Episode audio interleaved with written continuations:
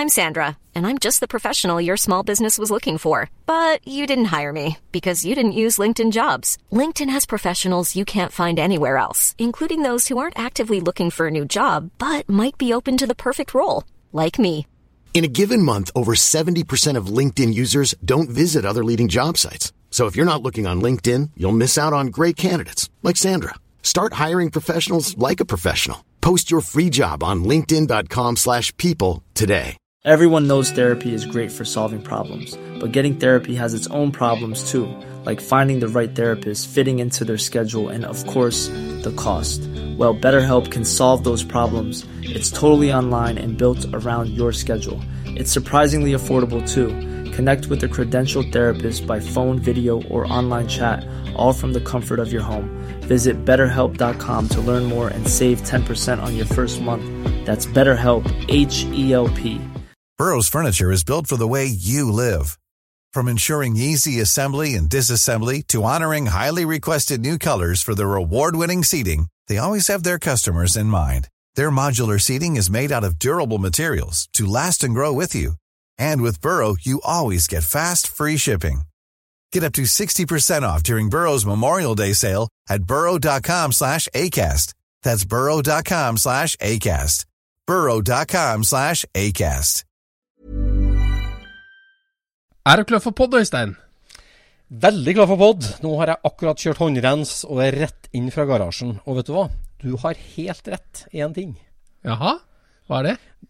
Du har jo Ja, du har rett i mange ting, egentlig. Men du har jo lansert for lenge siden teorien om at all pulverlakk konvergerer mot grått til slutt. Etter lang tid. Og det har du helt rett i.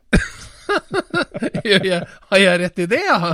Jeg må bare Ja, notere. Jeg husker ikke engang at jeg har den meninga, men det er jeg Nei da, det klar for den. leveregel nummer 17 fra deg. Så mine speilblanke, dypsorte felger er grå. De er grå nå. Ja, Jaha. eller blå, blå-svart grå. Her blir de etter hvert. Ja, ok. ok. Ja. Ja. Nei, jeg har vært en liten tur i låven og akkurat fått av meg låvestøvet, jeg òg, så da, da er vi klare for pod, da.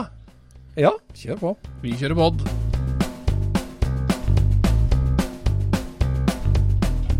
Du lytter nå til Scootspodden, en norsk podkast om klassisk bil med Jon Roar og Øystein.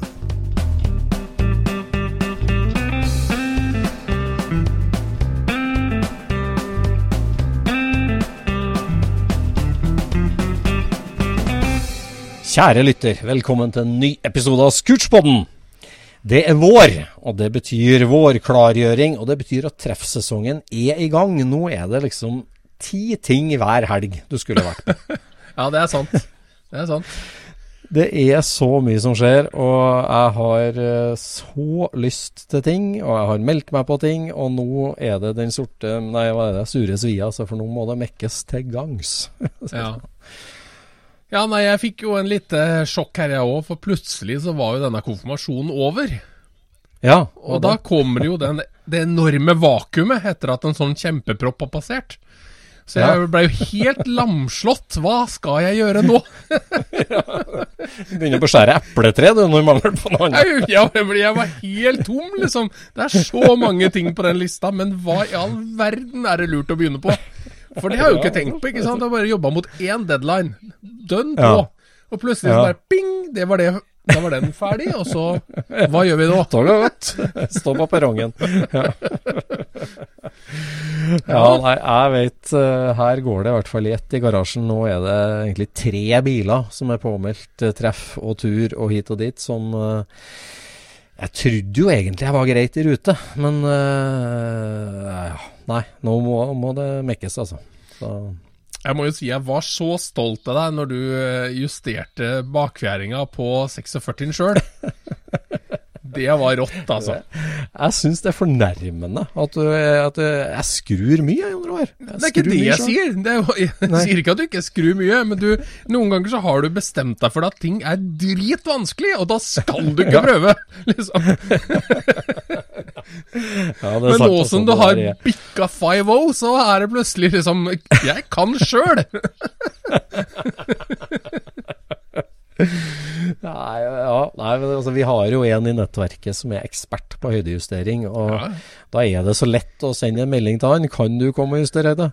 Ja. Eh, men, eh, men det, er det er jo ikke noe vanskelig. Og det der Men han er jo som Haleys komet, du må jo liksom vente til det passer for han, ikke sant? Eller som Jesus, han som alle har hørt om, men ingen har sett. Nei, så sjelden er det ikke. Nei da. Nei, nei det, du har jo, er jo inne på et poeng der at uh, den 46-bobla er jo meldt på um, KDF Only-treffet. Helt langt nede i Sør-Tyskland så er det Ja, et ja. sånt eh, veldig artig eh, Invitation Only-treff for uh, bobler produsert under krigen. Og det Der har jeg vært påmeldt i et år. Uh, Og du har jo klart å snike deg inn der. Ja, det, det var ikke noe forsøk på det, altså egentlig. For det var han Richard Hausmann, arrangøren, som sendte meg melding. Hadde sett bilen i Tyskland sist og sier at din bil er jo lagd av bare krigsdeler. Ja. Og eh, ja, vil være en fin Hva er det du kaller det? Bokende? Eller bokhylleende? Ja, bokslutt, Book. ja. ja, ja, ja. Ja, Bookend. Ja, bo- Ja. ja bookend. Eh, for dem som er lagd under krigen, så da har jeg en som er lagd eh, et halvår etter krigen av krigsdeler. Er veldig fin bok. Ja, og på bok. sett og vis så er jo den Den ser jo nesten mer krigsboble ut enn krigsboblene. Med at han har disse her utstående øynene og pga. Ja. lyktemangel og sånt noe, så har Ja. han et veldig spesielt uttrykk, liksom. Den har det. Den er en sånn, ja, det er en sånn rasjonering. Krigsrasjonering, skjønner du. Ja, ja, ja, ja, ja. Så, så, den er jo en artig karakter å ha med. Når du har et KDF-treff, så har du Du vet hva du får, ikke sant? Men Ja, øh, du vil savne den når, øh, når den ikke er der. Så jeg skjønner hvorfor eh, Hausmann vil ha den med. Ja da, ja da. Så eh, nei, det blir, det blir veldig bra. Og da var det jo Den fikk jo jomfruturen i fjor, og har jo nå ja, bytta bensinfilter, for det var mye rusk i tanken som måtte gjennom første filteret, kan du si. Og, Ja, ja, ja. og vi hadde jo noe føss når vi var i Tyskland, men stort sett har den jo fungert veldig bra, må jeg si. Den, Mm. den, den starter lett, og den går fint, og bremsene er topp. Jeg kjørte grusveitesten på den på bremsene. Ja. Så der er det fire fine bremsespor. Men det, bak på folkevogna så er det jo torsjonsstaver. Mm. Og eh, 60 cm lange fjærstaver med 40 splines innerst og 44 splines ytterst. Ja. Og på den måten så kan man jo løsne og vri et hakk, og vri ned et hakk, og opp et hakk, og justere på 5 mm presisjon høyden og stivheten bak på bilen.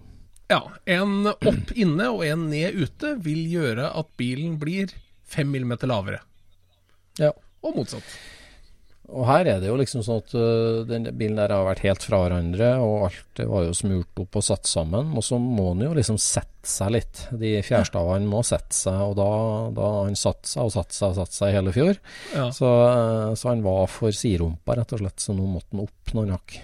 ja. Det vil si fire hakk. Fire hakk opp, nei, skal vi se. Fire hakk ned innvendig, fire hakk opp utvendig. Ja. Da fikk du de to centimeterne du skulle ha. Jeg gjorde det. jeg gjorde det. Så den ble Det er så deilig at det der er en så eksakt science, liksom. ja, Altså ja, at det, det er liksom Du putter inn det, og får ut det. Det er hyggelig. Det er hyggelig. Ja, det er akkurat sånn. Det, det er en sånn veldig forutsigbar mekking. Og så er det sånn veldig synlig resultat, og veldig viktig resultat. Altså Ja. stansen snakker jo folk om, men uh, her da, at du liksom kan finjustere det, sånn at uh, legger du en Altså, vater på stigbrettet, så er først. se på når du kjøper senkesett til en bil med spiralfjær. Mm. Det, det står fire centimeter på, på pakka. Det er ikke nødt til å bli det. No, I noen tilfeller så blir bilen til og med høyere, hvis de gamle fjærene er ordentlig sigende, ikke sant? Ja, ja, ja. Nei, det er sant. Det, på, på, på den her så er, de, er det veldig eksakt science, som du sier. Så der har jeg liksom gått og grudd meg til altså hele vinter, Ja. og nå uh, Det er relativt enkelt når du begynner, og så har det eh, Altså, det, som alltid med alle prosjekter, det hjelper at du har tenkt på det et par år. Ja. ja, vet du, det gjør det. altså. Det derre planlegginga i hodet, det er nei, Så der hadde jeg helt klart nå. og, og fått kursing av vår felles venn der. Mm. Så det ramla lett fra hverandre og var gjort på to timer. Så det jeg har Ja. grudd, gått og grudd meg for så lenge, det var så lett, og det traff så bra. for å si det. Ja, ja, så hyggelig. Og den så jo veldig spenstig ut. Han ser ut som en gaselle nå. Ja, han ble, ble rett, altså. Så nå var jeg jo levert den på um, Kingsrød Transport i Sarpsborg, så den går med trailer ned. For det her er jo så hinsides langt sør. Og det å kjøre Ja. vaierbremser, knastedekk, eh, 24 hester eh, i tre dager, det tar tid. Og det, det koster litt humping. Ja. Så, så det er jo litt sånn teit måte å dra på treff på, men eh, sånn blir det. Og det. Så jeg flyr ned og gleder meg veldig til det, altså. Ja. KDF Only, så det skal vi legge ut noen bilder av på Skurspoddens side. Kan du være med på eksklusivt uh, treff for krigsmål. Og det er faktisk venta 26 originale krigsmodeller. ja. Og de uh, til og med to biler fra USA som har meldt sin ankomst. Så det er Ja. litt av et opplegg. Det, er- det er heftig. Ja, det blir heftig. Nei, Jeg skulle ønske jeg kunne vært med der, men jeg føler jeg har så veldig mye ugjort rundt uh, hushjørnet her, sånn, så jeg, uh, jeg måtte være litt uh, brave og si nei. Ja, men Ugjort, du har jo vært med og både Ja, du har jo vært på et veldig hyggelig treff. Sånn apropos treffsesongen er i gang, så Ja. var jo du på et eh, spontant pop-up-treff som viste seg Ja. å være en storsuksess. Ja, nei, vi hadde en, eh, vi hadde en idé om at vi hadde lyst til å ha et eh, Hva skal vi kalle det? Et litt Instagram-vennlig treff. For at hele hele verden har jo strengt talt skifta til to typer treff. Det er Carson Coffee, og så er det Og så er det det motsatte, som er eh, ja, luftgekylt, da, som det heter i statene, hvor at du kurerer plassen og bilene, sånn at eh, du får kule bilder. Nå hadde ikke vi tenkt oss å gjøre så mye ut av selve den kureringa, da. Men, eh, men liksom ha, finne en fin plass og samles, sånn at bildene blir litt ekstra kule, da. Mm. Så vi hadde en eh, liten runde. Han Kjetil Simonsen, han er jo en pod-gjenganger som, som var med i poden og prata om bestefars Bugatti i sin tid. Mm. Mm. Og så eh, var vi ute hos eh, Petter Sand, for han Ja. eh, har en gård som ligger rett i nærheten av en liten båtplass, med en svær parkeringsplass, da. Ja. Og så hadde vi en eh, idé om at eh, hvis vi samler litt eh, folk der sånn, så, så kan vi ha det som en slags base, og så kjører vi en tur etterpå. ja. Men det som gjør at alle biltreff ligger på triste plasser, er jo at gatekjøkken har ikke råd til bra tomt. ja For folk må ha mat, og da er det bensinstasjon eller gatekjøkken. Og de ligger bortgjemte, forblåste plasser. det er Ja. sånn det er, rett og slett. Så vi fant så ut teorien, teorien din er det at alle biltreff er på en stygg plass, for der er det mat? Ikke alle, men noen Nei. er på en stygg plass fordi at det er det de får lånt òg. Men, eh, men altså, i Vestfold så er det Det er veldig mange fine plasser.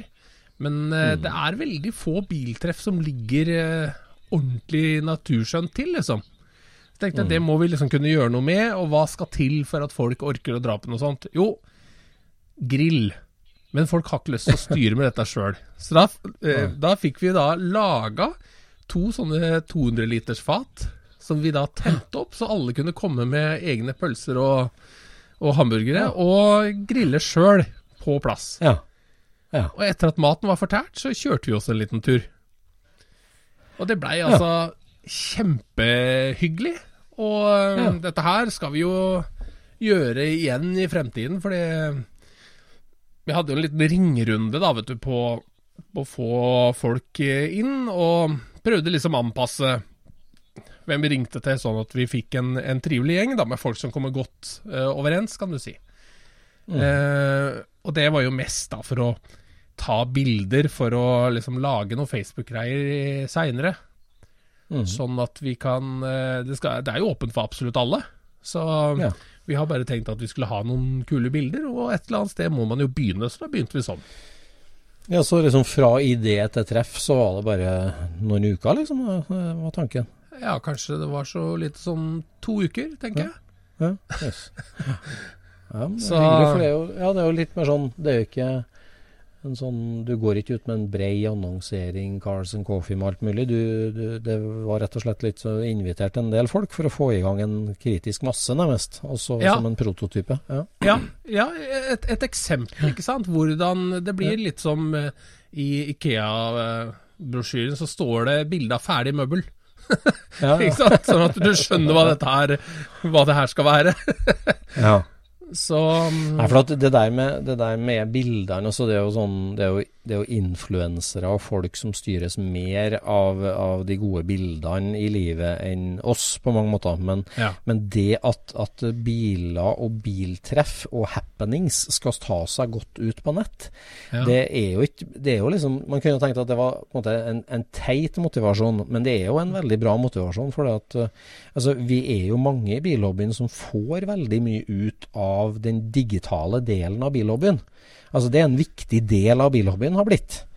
Eh, og, og det å da eh, liksom, altså, å kose seg med bra bilder og formidle en slags stemning og, med bilder er jo viktig. Det er jo, Ja, det er, si sånn. veldig, det er veldig viktig. og Altså, på den mørke delen av året så er det jo veldig hyggelig å ha noen bilder å se tilbake på.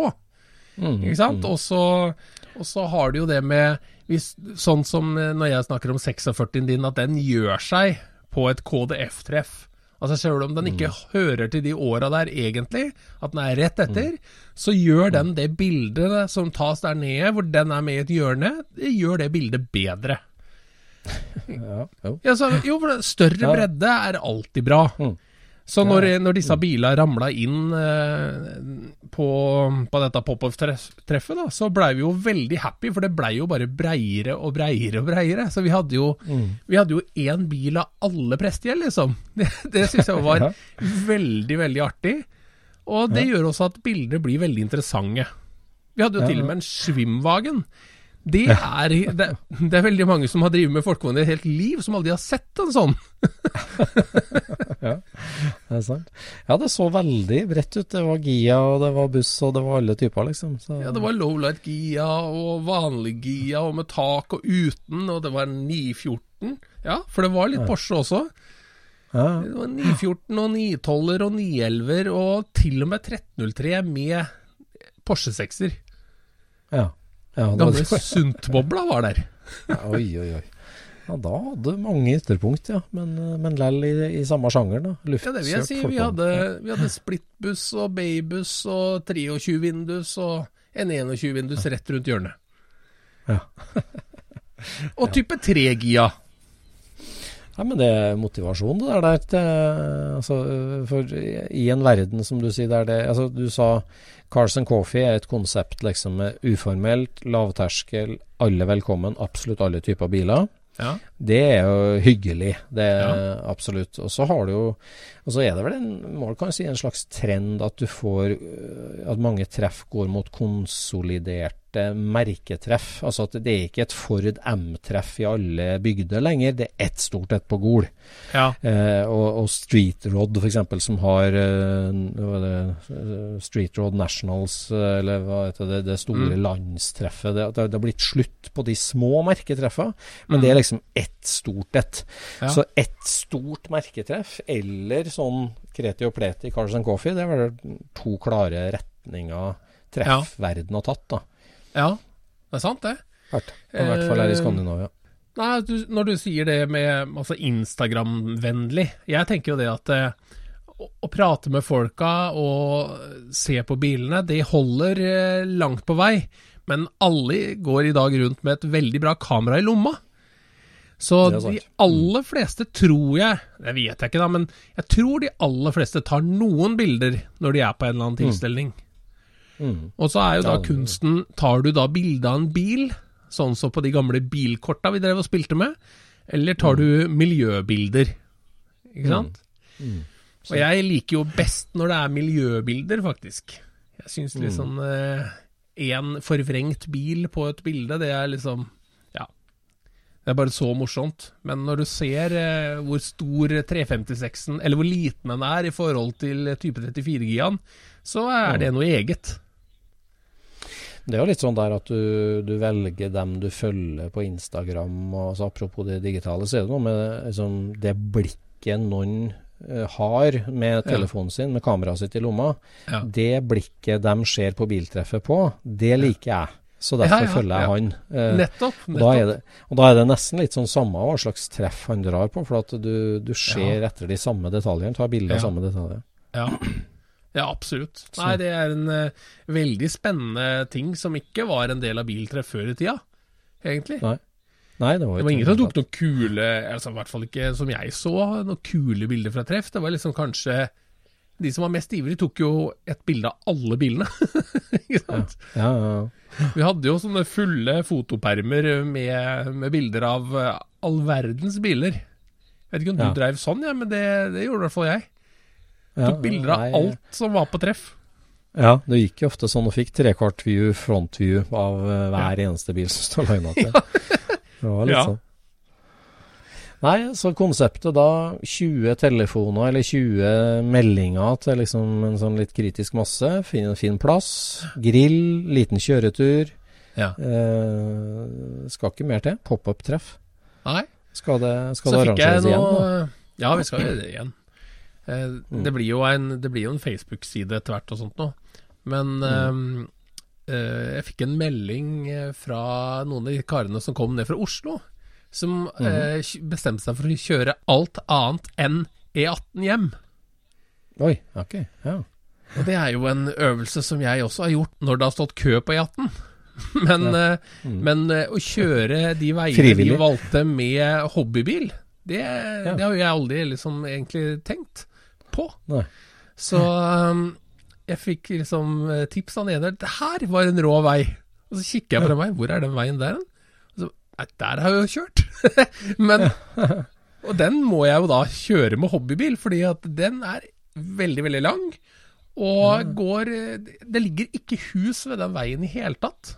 Den må, være, den må faktisk være to mil lang, tror jeg. Så, og parallell med E18. Så det, den skal vi få kjørt en gang, Øystein. Vi ser lang- Prøve å samle tid- noen av disse her eh, de eh, artige veiene som ligger rundt forbi, sånn som han Johannes oppå motorhotellet i Lærdalsøyri har gjort. Ja, ja, ja. Definere det litt. Ja, Mm. Ja. Hvor lang tid hadde de brukt fra Sandefjord til Oslo, de karene der, da? Som Det vet jeg ikke. det vet jeg ikke. Men eh, det tar nok litt lengre tid, ja. Det gjør det Ja. nok. Ja, ja. Herlig. Ellers så skal jo vi ut på tur, vi snart. Når, når du hører, når du kjære lytter hører denne scootspoden, så er jeg og Jon Roar Vi har med oss mikrofon, og vi skal kjøre eh, ja, Tyin, eh, Skjolden, Sognefjorden, Sogndal, Sognefjorden, Vik i Sogn. Vi skal kjøre virkelig Sognefjorden rundt, vi Ja. med luftavkjørt i vårt vandrende mobile biltreff, Super Scenic. Og dette må jo være den mest planlagte turen noen gang. Altså her, her, har det, her har alle lokale krefter vært i sving, og det er ikke en, det er ikke en mann med bil som ikke er kontakta i hele området. Ja, vi har snakka om det før på Scootspoden med det konseptet der vi har med oss lokale bilfolk eh, langs hele liksom, Plukker ei veldig fin kjørerute i norske fjorder og fjell. Mm. Får med oss bilfolk langs hele ruta og får booka oss inn på spennende veier som du ikke finner på nett, og ikke finner i turistkatalogen. Ja. Og eh, det blir veldig, Ja. veldig kult. Det er jo sånn det er med alt. Hvis du drar på ferie en plass, og du kjenner en eh, fastboende, en som er fastboende, så blir jo Mm. opplevelsen en helt annen. Og det er jo det vi gjør med disse turene her òg. Ja. ja. det blir Jeg gleder meg skikkelig. Så det akkurat nå i kveld så er det bremsa. jeg driver og skrur på bilen som skal være med på tur. Eller en av de to som skal være med på tur. Så, Ja. eh, For det har vi lært at uh, passerer du 50 år, så må du ha tokrets hovedsylinder f.eks. Det er jo et nytt tema. Ja. Jeg skal bytte bremsevæske i, i morgen på, eh, på vår gamle 72-modell Transporter. Ja, du skal det? Så at vi har uh, bremsevæske som er klar for uh, ordentlig eh, nedstigninger. Ja. Nei, det der er, det er ikke, det er ikke Skal ikke kimse av det der, altså. Det der eh, må være på stell. Altså, nå har jeg vrengt av alt på bakstillinga på den ene. Og um, Drev og bytte og oppgradere litt. Det var en oppflisa håndbrekkvaier, og det var en liten oljelekkasje på det ene hjulet. og Litt sånn småtteri da, som en må se over. Ja. Nei, jeg hadde jo med meg denne bussen eh, på dette pop-up-treffet. Og den fungerte jo helt upåklagelig til det. Kjempebra. Og så tenkte jeg da at eh, jeg tar en, eh, kjører en god runde ned til lokalet for å begynne på dette bremseveskegreiene. Og når jeg nærma meg der, så stoppa jeg for å øh, sjekke noe greier. Og så ville ikke bilen starte igjen. Oi. Da virka det som det var lite strøm på den. Og så begynner jeg å kikke på det, og så tenner jo ikke denne her ladelampa, vet du. Så tenkte jeg nå har jo pæra gått i den ladekretsen. For det er jo sånn at når pæra eh, går, så slutter den å lade. Det er jo sånn du skal Ja, ja. finne ut at ladinga di ikke virker. Ja, ja, ja. Mm. Ehm, så jeg fikk jo trilla den i gang, da. For det var ikke så veldig eh, Ja, det, det gikk jo trillinga, for det var veldig flatt der. Og så eh, kjørte jeg ned på lokalet, og så begynte jeg å skru og- på bak dashbordet for å få ut pærene og sjekke de, da, men de var i orden. Ja. Og så tok jeg denne feltledningen på eh, dynamoen for å se eh, om det var noe gærent der, da. Og da fikk jeg jo liv i pæra. Så da var jo den der børsteenheten eh, godt, da. I den der alternatoren der. Ja. Ah, Og så at ah, det passa jo kjempebra. Det virka jo helt 100 i forrige uke, og så ikke nå som vi skal på tur, ikke sant? Det passa Også- jo kjempebra å få det en halvtime fra garasjen ei uke før du skal på langtur, da. Det er jeg helt enig i. Det er jeg helt enig i. Tusen takk, alle automotive-guder der ute. Men um, så var det tre skruer da, for å få ut dette her greina, den dynamoen. Ja. Og når jeg løfter den opp, så ser jeg det at det ene kabelskoen er allerede av på polene Oi. på den der ladebrua. Aha. Og så ser jeg på den, og så er det liksom Det er en konstruksjonsfeil i den. Så det er noen som har skåret ei slisse nedover ene sida av kabelskoen, sånn at den ikke klemmer på ene sida. Så jeg tok også klemte den litt, på, litt hardere på andre sida, og så stakk den på igjen, skrudde det fast og starta opp, og nå lader den. Ja. Men jeg skal jo ta det der ut, da, så skal vi få satt på en ny kabelsko. Men jeg var ganske happy for at eh, det skjedde rett før vi skal på tur, og ikke da Oppi opp i et eller annet heng, liksom. Ja, fy søren. Ja, det, det kan du si, altså. Det, det er greit med alt som er defekt og ødelagt, bare det dukker opp nå. Men eh, Ja, bank i bordet så har vi jo hatt Det er jo masse verktøy og masse ekspertise med, så det har jo vært noe skruing, men det har jo, vi har jo landa på beina hele veien. Så det, ja, vi lander på beina og gjør jo det, så så Men det er liksom Man må være trygg på at eh, kløtsjen ikke slurer, og at bremsene fungerer. det er vel egentlig der vi er. altså. Det er det viktige. Lading greier jo alltid så hanske, hanskes Ja. med. Og vindusviskerne må virke. Ja, nei, ikke si det. Det blir finvær igjen. Jeg sier, jeg sier ikke noen ting, da, altså, men alle må legge veldig mye energi i vindusviskere. Ja, det er sant. Kjøp helst Får nytt. vi med oss eh, Får vi med følgebil og henger den turen her, eller? Ja, det gjør vi. Ja. Nei, det blir så bra. Det jeg gleder meg skikkelig altså, til SSC Super Scenic, som er det mobile biltreffet. Vi var jo 75-80 biler i fjor, på det meste. Mm. Og Så det blir en lang karavan med, med fantastisk Altså apropos bilder, og apropos Ja. Instagram-shots, så er jo det tidenes tur, rett og slett. Og i år så kommer det litt utlendinger også. Oi, gjør det det? Ja, jeg skulle akkurat det. si at uh, det er rart ingen utlendinger oppdaga den, ja, men det gjør det. Ja, ja, så bra. Det blir spennende. Ja, det blir spennende. Gleder meg til. Nei, Vi ender jo opp eh, innerst i Sognefjorden, i Vik, der vi skal besøke gode venner og Ja. siste campen. Så det, det blir så bra. Jeg gleder meg til det. Vi skal jo opp på et sånt nedlagt sanatorium òg, som et spøkelseshus av et sinnssykehus helt oppe på toppen Ja, ja, ja, ja. Det blir jo så bra. Det, Er det Jølster det heter? Er det noe sånt? ja, det er vel Jølstefjorden i hvert fall. Ja. Så, Ja. så skal vi innom Turtagrø, et av Norges største vannkraftverk. Og vet du hvem som var med og bygde ut det? det var Eh, var det Turta sjøl, eller var det noen annen? nei, det var min morfar. Eh, Ah. Emil Wiger, han som har fått opp, oppkalt en kupé etter seg. Eh, Han var med på det. Han var med på det, og da kjørte han, eh, da kjørte han Kybelhagen. Eh, han, eh, altså mora mi og, og, min morfar da, bodde jo i Skjolden og var med og bygde Turtagrø-kraftverket Ja. på slutten av 50-tallet, 6-7-58. Og da var, kjørte de Kybolagen som bruksbil. Kostemart, grønn Kybolagen. Tøft. Så, så vi skal innom der, så det gleder jeg meg til. Jeg har ikke vært der, jeg. Så det, jeg har vært i Skjolden, men jeg har ikke vært oppå på kraftverket. Så det Nei, nei. blir veldig bra. Det skal bli spennende. Håndbrekk. Alle må sjekke håndbrekket også. Ja, sjekk håndbrekket. Det Ja. er veldig viktig. Absolutt. Vi gleder oss til tur. Det er mange som har vært uh, på tur. Um, en liten norsk delegasjon var på Europas mest eksklusive biltreff her òg, Villa d'Este ved Lake Ja. Como Ja. i Italia. Det er jo øh, virkelig Hvis du skal snobbe ordentlig, ordentlig, så er det bare å ta på dressen og dra til Villa d'Este i mai. For da Ja. Det er jo et slott som ligger helt nede ved Komosjøen der. Det er, eh, det er bare invitation only, ca. 80 biler som Ja. eh, blir invitert. Og det er selveste Simon Kidston, en av verdens mest kjente bil... Ja, bilbrokers, eller bilhandlere, sveitser. Jaha, Som er, han, er, han er speaker, som er jo en karakter i seg sjøl. Okay. Eh, det er et veldig eksklusivt selskap. Der har det jo vært med en liten håndfull norske biler. Det er jo det europeiske svaret på Pebble Beach. Ja. Eh, Concorde Elegance. Men det er vel enda litt smalere enn Pebble Beach, er det ikke det? Ja, altså, det er det er- vesentlig færre biler. Ja, færre biler. Mm, Mer eksklusivt. Og, kule, og kulere omgivelser òg, egentlig. Er det ikke det?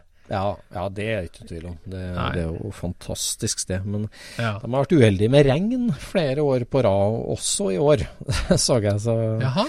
Jeg trodde det- de hadde vanligvis veldig bra vær, ja, men at de hadde regna i år. Men Nei da, det har vært en par eh, regnår, og det, Ja. det var regn i år òg, men eh, Og så er det jo sponsa, det får jo litt kritikk at det er sponsa av BMW, så det er liksom alltid litt sånn eh, Litt for mye BMW-tema der. litt for mye BMW. Ok. Men jeg tror den sponsoravtalen er såpass lukrativ at, at At de har overseende med det. Ja. Ja da. ja det koster Nei, nok ikke lite jo- å leie et sånn plass som det der, vil jeg tro.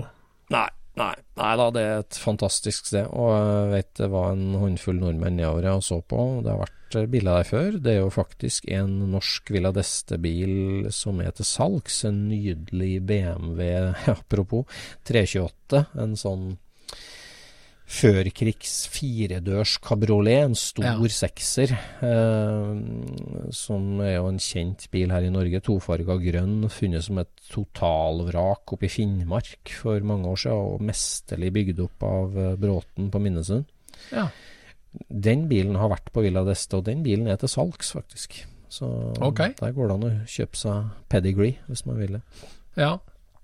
Men du kommer vel ikke Altså, de viser vel ikke samme biler om igjen noen gang?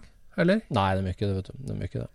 Det går kanskje an. Du, du søker jo hvert år da, og så er det jo litt sånn forskjellige tema, så av og til så, så, så kan det kanskje hende, men, men de prøver jo å rotere, ja. Det det. Ja. Så, Nei, jeg husker Det eh, fra i fjor. For det var vel i fjor som de viste den her eh, gjenoppbygde eh, Contouch-prototypen. ja, Den som de stemmer. rekonstruerte. Ja. Og det ja. er Nei. Det er for der det skjer, for, altså. På, eh, Ja. Nei, jeg klarer jo ikke liksom Mm. å tenke på annet enn enn akkurat den bilen. For det var noen filmer hvor den drev og kjørte rundt i disse her eh, litt trange brosteinsbelagte gatene og rygga og ordna, da.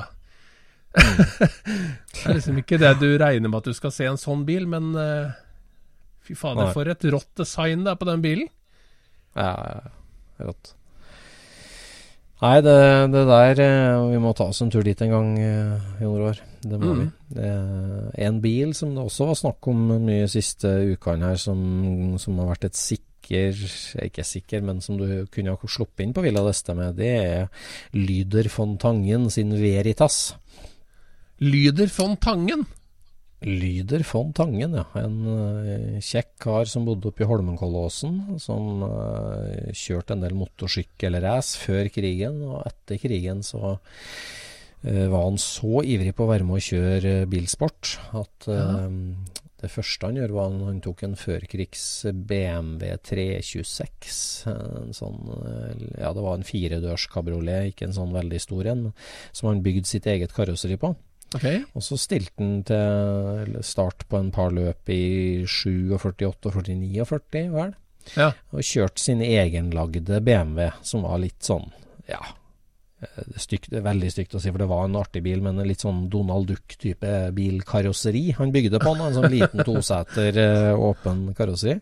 Okay. Den bilen lever faktisk, den og den første. Men så, da, i 1951-52, så reiste han altså ned til Nürnberg, vel. eh, Der Veritas-fabrikken Veritas var en liten sånn tuningfabrikk på den tida, som kjøpte Ja. motorer fra BMW og bygde Veritas RS 1500.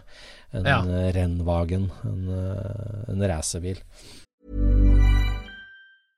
I'm Sandra, and I'm just the professional your small business was looking for. But you didn't hire me because you didn't use LinkedIn jobs. LinkedIn has professionals you can't find anywhere else, including those who aren't actively looking for a new job but might be open to the perfect role, like me.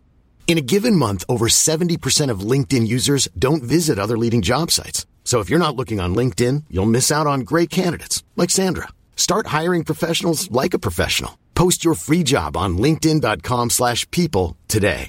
Everyone knows therapy is great for solving problems, but getting therapy has its own problems too, like finding the right therapist, fitting into their schedule, and of course, the cost. Well, BetterHelp can solve those problems.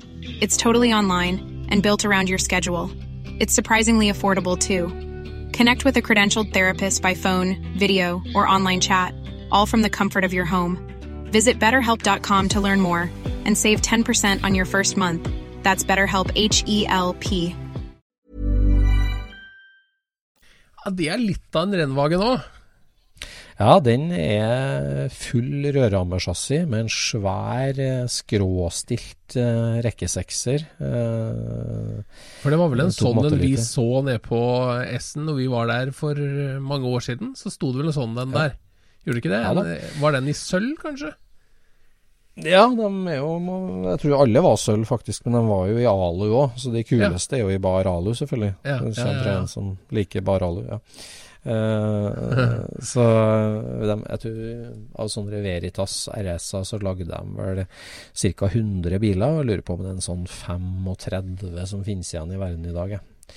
Det var en Ja. eh, fullblods racerbil med BMW-hjerte, som uh, var noe av det kuleste du kunne kjøre i Europa. eh, på tidlig 50-tall, midten 50-tall. Og en sånn bil kom også til Norge. Eh, Lyder von Tangen tok den til Norge. Og kjørte mange israce og mye ovalbane, sånn speedwaybane oppover 50-tallet. Ja.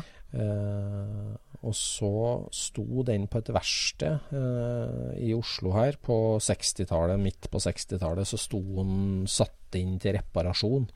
Ja. Og så brant det verkstedet. Eh, han sto i et sånt sideskur, på en måte, og verkstedet brant, så bilen, aluminiumen smelta, men bilen berga, for å si det enkelt. da.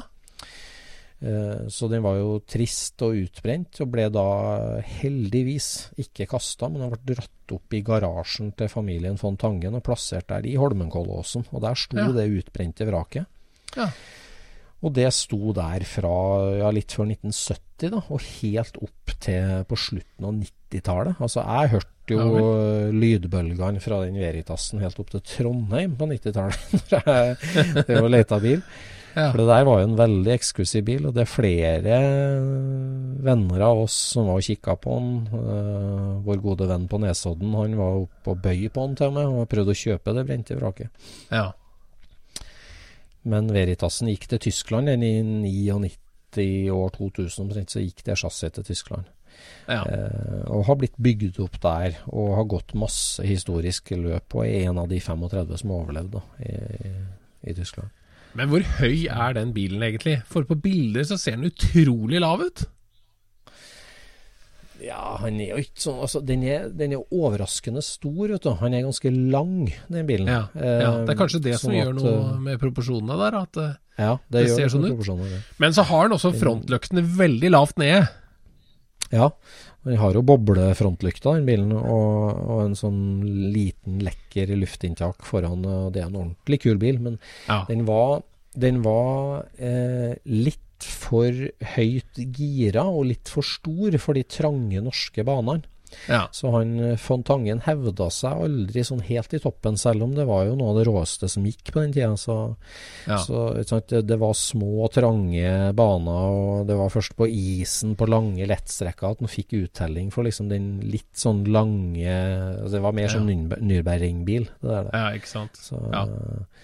Så, men det var veldig artig at det dukka opp en del bilder av den bilen eh, når den var i drift uh, på nett de siste tida. Har vært litt diskutert. Så jeg har jo, jeg har jo møtt den en par ganger i Tyskland, den bilen, den norske Fontangen-bilen. Eh, ja. Nå husker jeg ikke jeg chassisnummer, chassisnummer 14 kanskje, eller noe sånt. Og det har vært artig å oppsøke den igjen, altså. For det, det, er ikke mange sånne super norske biler som Men er den i bart aluminium, den, eller åssen ser den ut nå? Den er, lak, den er lakkert sølv. Han har jo helt nytt eh, skinn da, og er lakkert sølv. Mm. Ja. Men det her er jo egentlig et eksempel på en bilhistorie eh, som eh, jeg og du, Jon Roar, har tenkt å lage en liten serie på i Scootspoden. Altså supersjeldne biler som har vært i Norge. Ja, det er sant. Der har vi jo gjort et intervju allerede òg. Ja, vi har det. Og det her er jo en fin anledning til å lansere det konseptet, egentlig. For det har ikke vi snakka så mye om. Det her er jo et prosjekt vi har jobba en del med mm. eh, i Scootspoden. For at vi har fått mange spennende tips, og vi har jo jakta mye bil eh, sjøl, kan vi si. Og det eh, liksom, det har Opp til du er 50, så er man mm. opptatt av å jakte på bil for å få tak i bilen. Ja. Eh, etter, etter, du er 50, så, så, er det veldig artig å, å jakte på historiene om de utrolige bilene. Ikke bare for å få tak i bilen, men også for å få tak i historien på den. Ja. ja, for det der er en veldig rar greie, egentlig. Altså, altså, i alle bygder, i alle byer, så er det jo blant de bilinteresserte, så går det jo historier om den mm. gangen mm. den bilen hang i eh, krana bak på Falkenbilen, eller den mm. gangen den var innom, eller han borti der, han hadde jo en sånn i 14 dager, liksom. Altså, alle, mm. alle bygder har jo sånne historier. Og det som er så rart, er at noen er jo egentlig liksom kjempeglad i historien, men føler at jobben er gjort. Så fort de har liksom fortalt til de andre i byen, så er jobben gjort.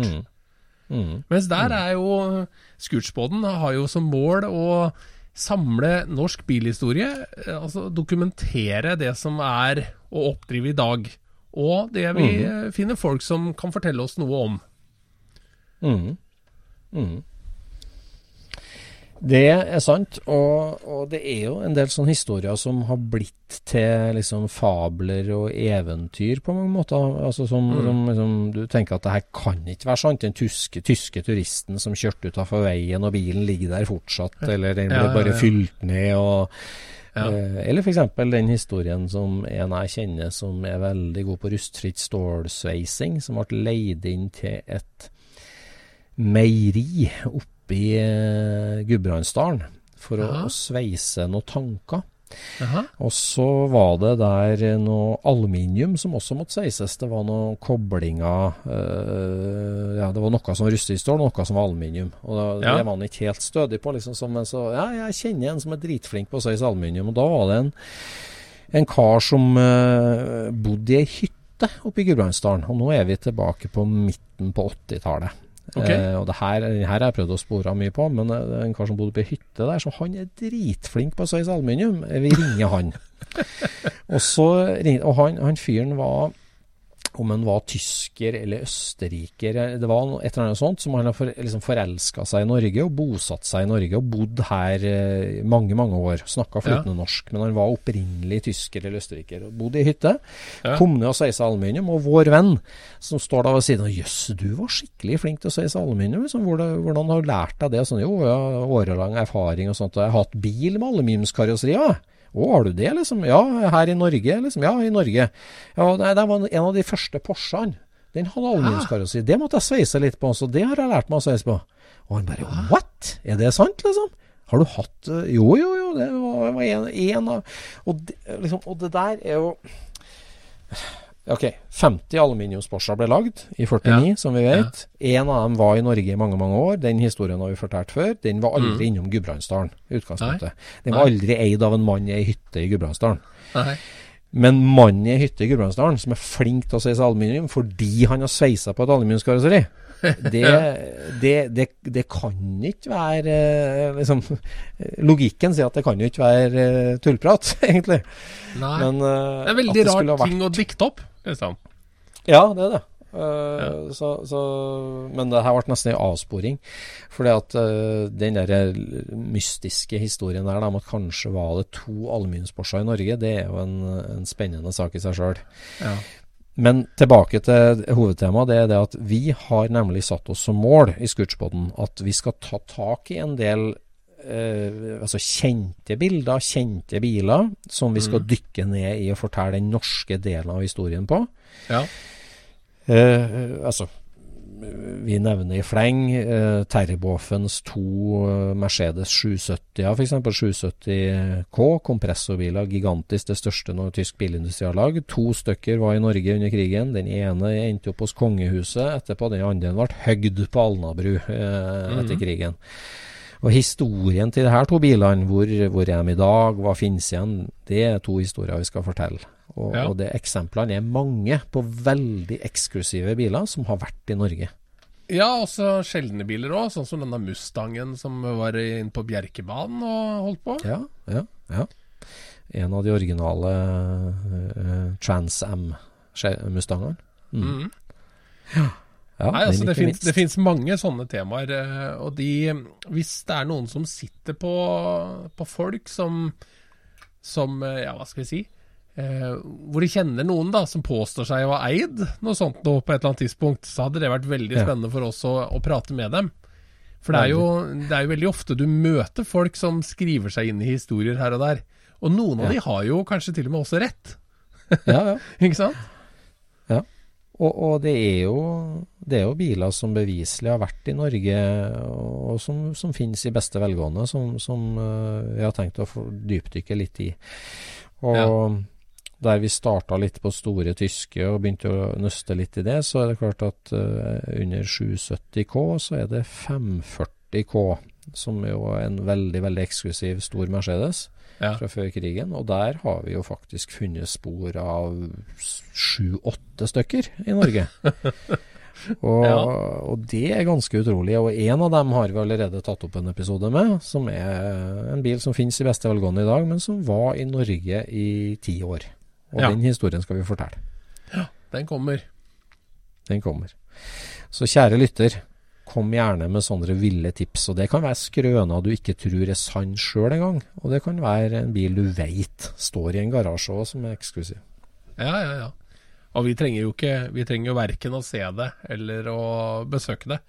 Det er mest Nei. moro å, å bare få dokumentert det. Liksom sånn at, eh, at uh, disse menneskene som var til stede og var med, kan fortelle det med Ja. sine ord, istedenfor at det blir en eller annen bladfyk som skal skrive sin versjon.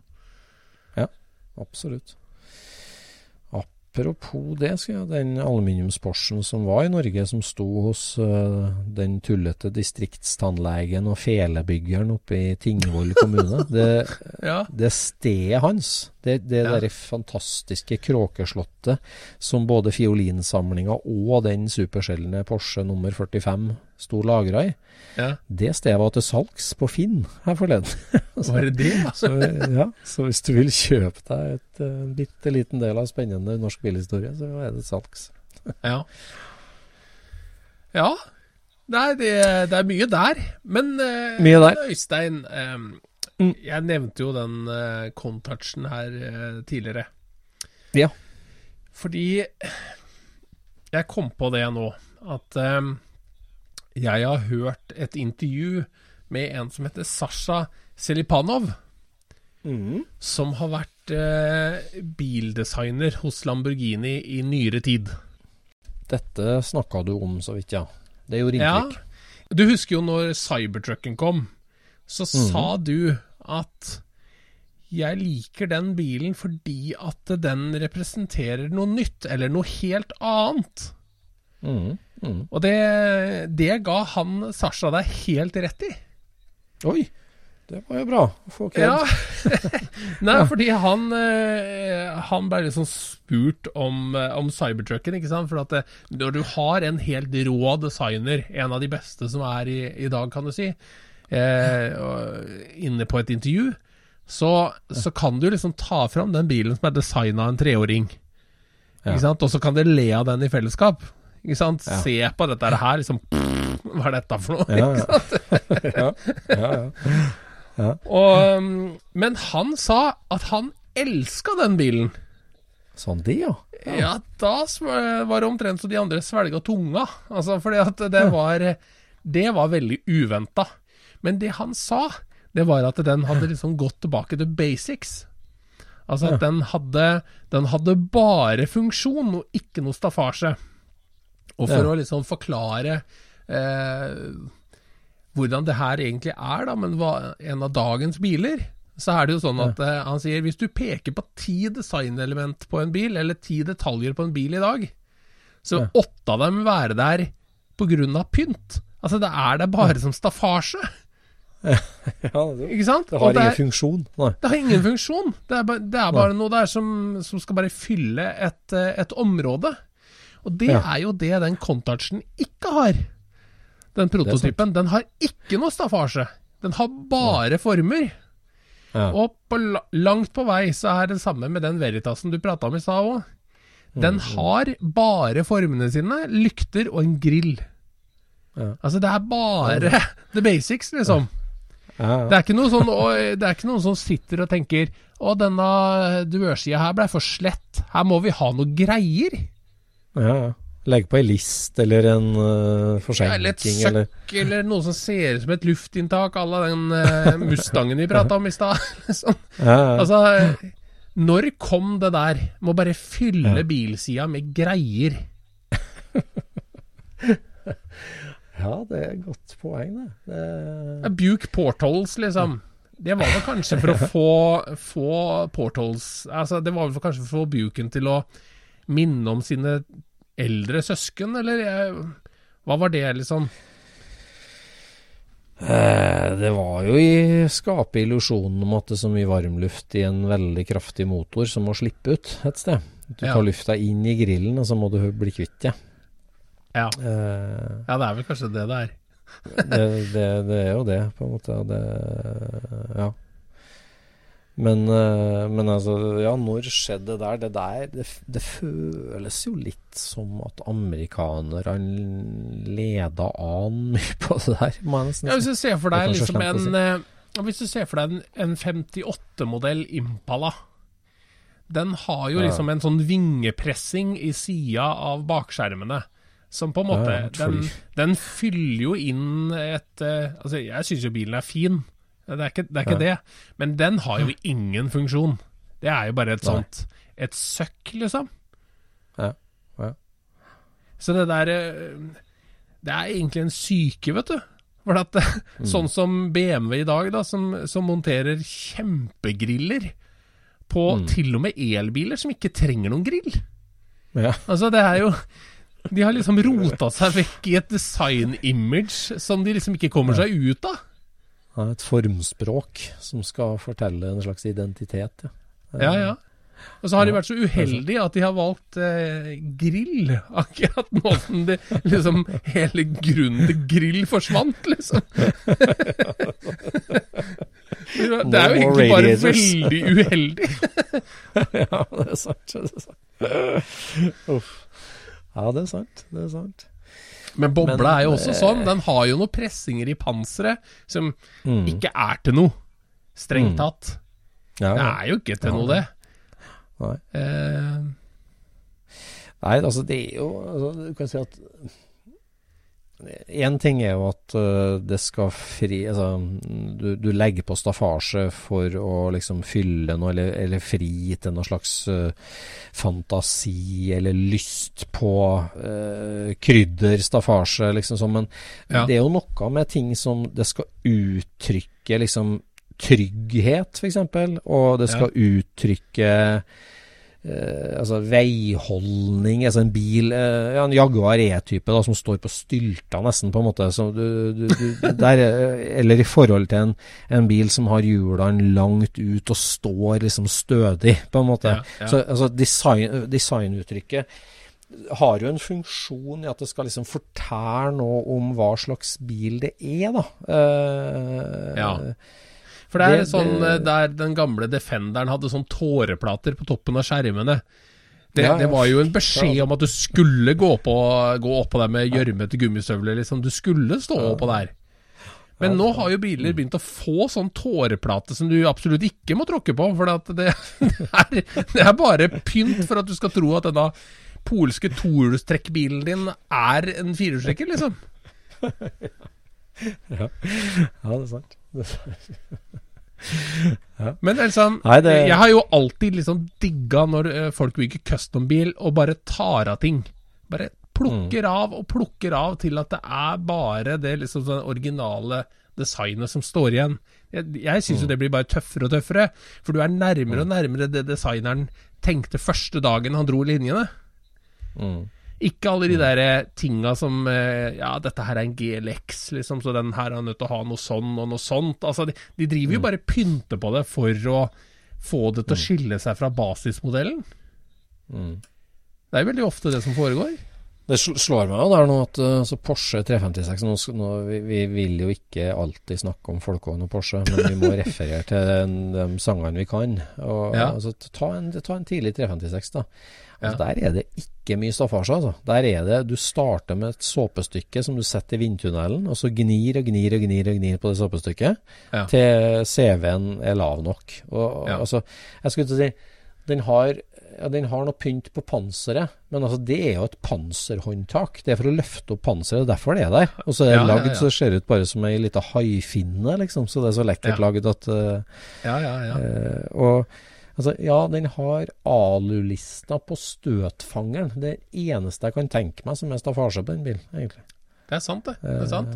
Og de, de første der har jo liksom på en måte fangeren integrert i karosseriet òg, sånn at eh, Ja, ja. den, den, den ligger jo ikke utapå engang. Den, den prøver å gjøre så lite ut av seg som mulig.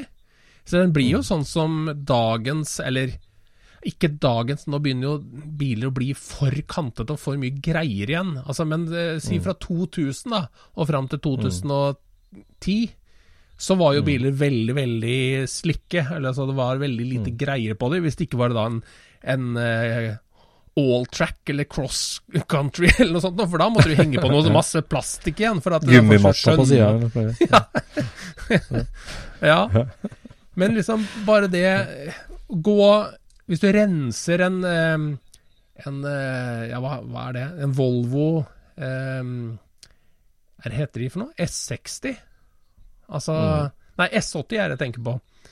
Hvis du liksom peller av alt det som er på den, så ser den plutselig ut som den eh, prototypen som Volvo lagde, som var en utrolig slikk bil, altså. Det hadde, det vært, hadde vært veldig gøy å sette den formen rendyrka, liksom. Men det er ikke det vi bilfolk gjør. Det er så lite av det der. Det er bare 50-tallsbiler. De, der peller vi av jugl. Der lager vi LED-sledd, liksom, av de. Mm, mm, Plukker av. Men Ja, på alt annet så er det liksom ja. mer greier. På med mer greier. Ja, det er sant. Det er sant, det. Ja, moralen er eh, bort med staffasjen. Men det er klart, Cybertrucken, da, den er jo, den er jo Ja, som sagt, jeg elsker den jo fordi den er helt ny, og den er endelig noe som er helt annerledes. Som utfordrer gamle sannheter, som utfordrer eh, liksom støpeformer. Ja. Eh, Det liker jeg med men, men uh, han blir jo veldig fort kjedelig hvis veldig mange begynner å designe trøkk og bil på liksom, Vi skal ikke ha noe staffasje, det er bare linjal mellom punkt A og B, ferdig. Ja. Så mm, Men du har ikke nødt til å gjøre det sånn, vet du. For når jeg nevnte contouchen, så er jo Det finnes jo ikke så veldig mange rette linjer på den egentlig. Det er altså på contouchen, da. Men, men de ligner jo litt på hverandre likevel, på et vis. ja, gjør det på et vis. Det er sant, ja. Det, det er en wedge-shape, eh, linjal, ja. Mm. Ja, det er liksom sånn Det, det handler om rene linjer. Altså å, å plukke fram rene linjer. Og, og interessante flater, ikke sant? Mm. Så eh, han eh, gikk jo langt i å si at den cybertrucken den kommer til å påvirke alt bildesign fra nå av. Mm. det syns jeg er rimelig drøyt å høre. Men drøyt, ja. eh, vi sa noe alle av det i poden når vi snakka om dette her, at det blir veldig vanskelig å se helt bort fra han. Mm. Ja, det blir det, altså. Det.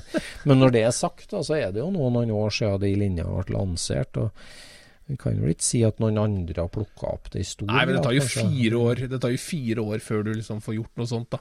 Men hvis du Jo, ser på den derre eh, Nå husker ikke jeg hva den heter, da. Den eh, Er det en Hudai Er det ikke en Hundai, da, som ser ut som en Golf 1? Som er veldig sånn kantete, Ja. svær eh, Ja, ja, Golf 1, ja, ja, liksom. stemmer. Den har stemmer, litt stemmer. den i det, Den altså, Den er litt sånn. Den har noen sånne trekk, ja. Det er sant. Ja. Det har. Men der kan du si at der er linjene Der har du de der linjene Ja, det er litt staffasje, på en måte, men, mm. Mm. men samtidig veldig eh, ryddig og clean, på et vis. Ja, ja, ja. Sånn som 80-tallet var, og som vi liker godt. Ja, ja. ja, det å skape 3D-form med flate flater, og ikke konkave konvekse, det er jo det kanskje begge de bilene gjør, da. At du, Mm. Det er sikkert et ord for det der måten å designe på der. At det Ja, De kaller jo det Altså det 70-tallsdesignet kalte de jo for det brettede papirs design. Altså at det er Ja, ting du altså, får til mm. med papir, kan du si. Ja. Men, eh, men eh, jeg holdt på å sette kaka i halsen her jeg, på konfirmasjonen når du plutselig delte at du hadde lyst til å kjøpe en Golf 1. Hva skjedde der, Øystein? Ja, nei, det, det, ja, nei, det, var, det, det var et uh, svakt øyeblikk. Du satt du hjemme og testa altså, hjemmelaga kirsebærvin, eller hva er det som foregikk der? Ja, ja. ja fra to, år 2000. Og for en bil det var òg! Den var jo helt full av kamei! Ja, ja. Nei, det var dritlekker, synes jeg. Men, eh, men jeg skal ikke ha sånn bil, det skal jeg ikke. Men eh, Men du etterlyste er et, veldig- et ett-tall foran prisen på den. ja. Mm. Fordi den Ja, kosta jo- Hva kosta den? Det var vel 60 000-70 000 kroner, var det ikke noe sånt? Ja, var ikke 59 000 eller noe? Ja, et eller annet sånt. Så, Og det er jo nesten rart, hvis den bilen var bra for rust og sånt nå, så er det rart den ikke er verdt mer. For dette er ganske langt mellom Golf 1 nå, altså. Nei, det var det Ruud Vintage Garage som annonserte den bilen, med Kamei-stickers og eneier fra Geilo, svart Golf 1. Ja. 59 000 syns jeg så veldig billig ut. Bare det at det er en kul, svart sånn. Golf 1, det kan ikke være så fryktelig mye av det heller, tenker jeg. Nei. Nei. Nei, men den, eh, den blir mer og mer eh, aktuell enn Golf 1 òg. Det er en det er ganske artig bil egentlig å kjøre. Veldig ja. Jeg hadde jo en, eh, en eh, 79-modell Golf 1. En Mm. eh, som he, hadde tilvalgsnavnet S. Mm. Og det var jo noen som påstod at det var S for sport, men det var for spartansk. Fordi den var Den, den var enormt spartansk, den bilen. Og det, det var ingen biler som hadde mer boing i dørene når du smalt igjen i dørene. Altså. Ikke i asfaltmatte å se. Men den 1500-motoren der, sånn, den fikk kjørt seg. Altså, det var turtall ut av milde grønne i den saken der. Ja, det, var en, eh, det var en artig bil å kjøre, altså. Jeg skjønner hva de tenkte når de designa den. At, eh, at dette her er liksom sånn en bil for folket. Kommer A til B, og kun det. Ja. ja, det er jo inne på det der som mange har etterlyst i dagens moderne Porsche-verden òg, det med at uh, gi oss en 911 T1. En sånn superenkel, spartansk versjon. Ja. Så det blir jo litt dit at ting blir så komplisert at man ønsker seg dit. Ja, ja, ja. Nei, det, det skjer veldig lett, det, altså. Det gjør det. Nei, Jeg er i kjøpsmodus om dagen, jeg, men ikke golf. Jeg driver og forhandler om en 1932-modell og en 1998-modell. Det magiske året. En 32-modell og en 98-modell. Mm. Aha. To veldig, veldig, veldig fine år i bilhistorien. Snakker vi Ingolstadt på den ene? Og Dearborn på den Nei. andre? Begge to feil. Begge to feil. Så Ja. spennende, da. så det var Men det er milestone years. altså Class of 98 har vi jo snakka masse om. Da skjedde det jo så mye eh, med bilmodellansering og, og revitalisering av europeisk bilindustri. 1932 var jo det siste store fjonge året. Da, I 33 så endra alt seg i Amerika. Uh, ja, for da fikk de jo litt uh, hellende grill. Da la de grillen ja. bakover. Ja, la de grillen bakover og frontruta litt bakover, og det ble litt svosj i skjermene. Ja, ja. Så det toppen av den firkanta æraen, det er 1932. Er, jeg lurer på hva de tenkte ja, når de designa de første bilene der. Sånn, da, da, må det ha vært veldig lite design og veldig mye eh, Disse komponentene skal vi ha med oss, og vi må ha noe over motoren. Altså Det må ha vært litt sånn. Fordi at ja, det, det, å legge grillen bakover gjør jo enormt mye for Altså den ser jo ti år nyere ut, på en måte. Ja, ja, Bare fra 32 til 33. Ja, ja, ja. Forden, da. Ja. Tenk så, så, liksom, så lite altså På det svære blå, blåpapirarket skal vi si, som jeg satt og tegna, bare, bare, dra den linjalen tre grader bakover. Hvor, hvor, mye det hadde å si? Hvor lite det var, det var egentlig sånn fysisk. Men, det første de begynte med, var jo å knekke radiatoren eh, om midten, ikke sant? så at han ble V-forma sett ovenfra. Nettopp! Nå er du nå, Tampen brenner. Tampen brenner. Tampen brenner på hva, du, hva er det du snakker om nå? På det jeg driver på å forhandle på. For det var Aha. bare de største, feiteste bilene som fikk sånn spisskjøler eller eh, V-radiator. Ah. Da må det være en Caribbean. Nei, det er ikke feil. Feil utgave. Lenge etter krigen. 56-modell Caribbean, tenker jeg. På et, på, på, på et merke som er altfor uh, Ja. Nei, herlig. Så det var ikke noe Packard, altså? Nei vel? Nei, det var ikke Packard. Det var ikke Packard. Det er ikke Packard. Det er det ikke.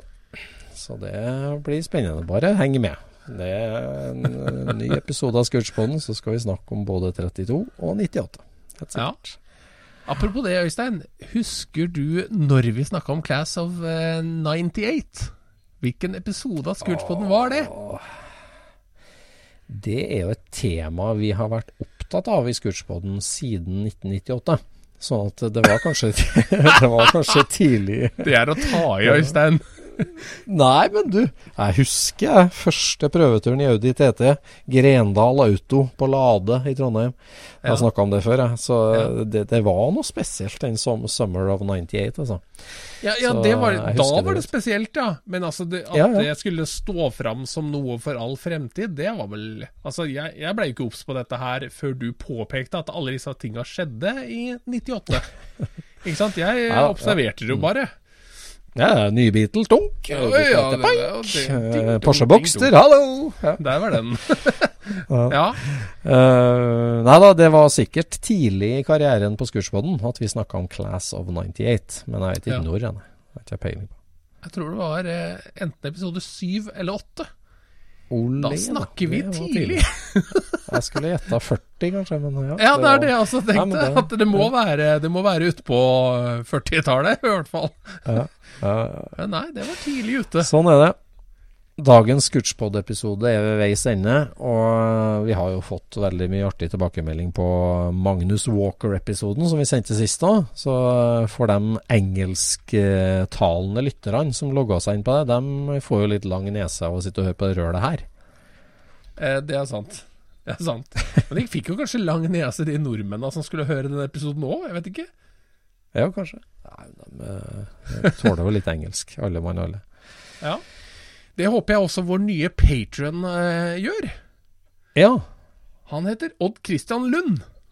Ja. Tusen takk for at du er med og støtter Skurspodden, og bidrar til bedre og flere Skurspodd-episoder.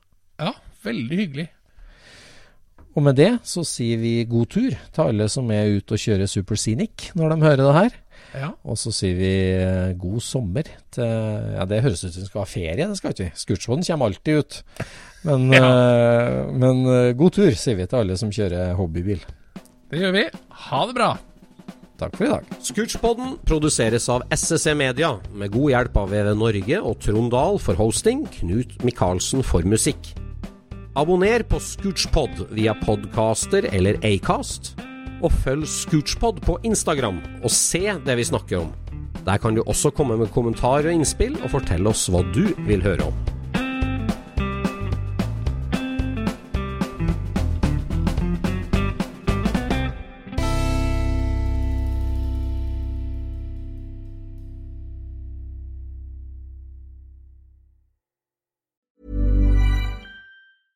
Mom deserves the best, and there's no better place to shop for Mother's Day than Whole Foods Market. They're your destination for unbeatable savings, from premium gifts to show-stopping flowers and irresistible desserts. Start by saving 33% with Prime on all body care and candles. Then get a 15-stem bunch of tulips for just $9.99 each with Prime. Round out Mom's menu with festive rosé, irresistible berry chantilly cake, and more special treats. Come celebrate Mother's Day at Whole Foods Market. Hey, it's Paige DeSorbo from Giggly Squad. High quality fashion without the price tag. Say hello to Quince.